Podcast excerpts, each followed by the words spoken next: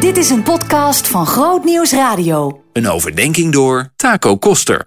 Beste luisteraar, uurtje geleden heb ik het woord hoop vaak gebruikt. Ik heb het gekoppeld aan deze Bijbeltekst.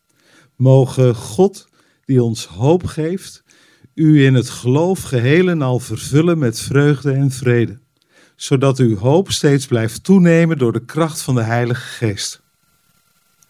Hoop dus. Ik kwam pas een prachtig beeld tegen.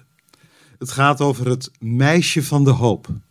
Het komt uit een gedicht van de Fransman Charles Pégu. In dat gedicht speelt hij met de woorden geloof, hoop en liefde. Dan gebruikt hij dit beeld.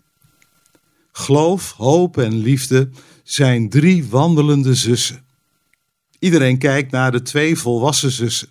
Geloof aan de ene kant en liefde aan de andere kant.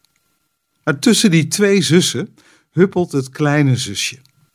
Het meisje van de hoop.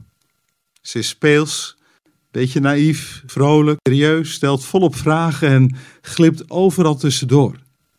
Je kunt niet anders dan glimlachen. Geloof en liefde nemen haar bij de hand, maar soms is het andersom. Het kleine meisje trekt de zussen mee. Waarom ik dit zo'n mooi beeld vind? Ik zie het gewoon helemaal gebeuren. Dat kleine, huppelende meisje. En ik ontdek daarin ook dat hoop geen zwaar, massief begrip is, maar heel dichtbij komt. Denk hier eens aan. Hoop is klein. Daarin ontspan ik. Ik ben soms geneigd om grote stappen te willen zetten. Maar veel vaker zijn juist de kleine stappen waardevol. Mensen die de haat doorbreken en de hand uitsteken naar anderen. Mensen die belangeloos omzien naar een ander en iedere week een pannetje soep brengen. Mensen die stug blijven bidden voor deze wereld met al zijn zorgen. Hoe waardevol is dat? Of denk hier eens aan. Hoop ziet andere dingen.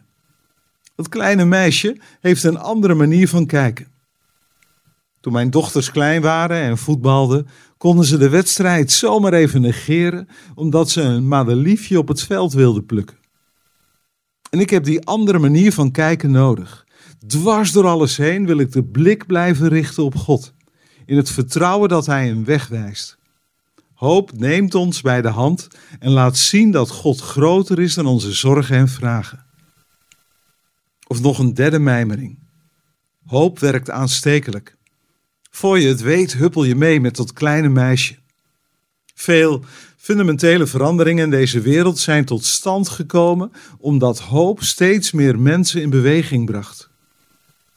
Hoop is uiteindelijk verbonden aan de opstanding van Jezus.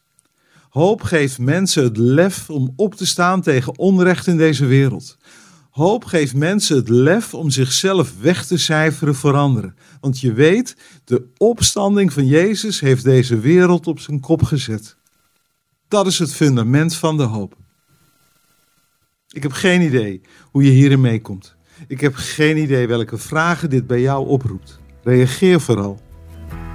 En laat je bij de hand nemen door de hoop. In het geloof en de liefde dat God meegaat en een weg baant. Ook op deze dag. En ook in deze wereld.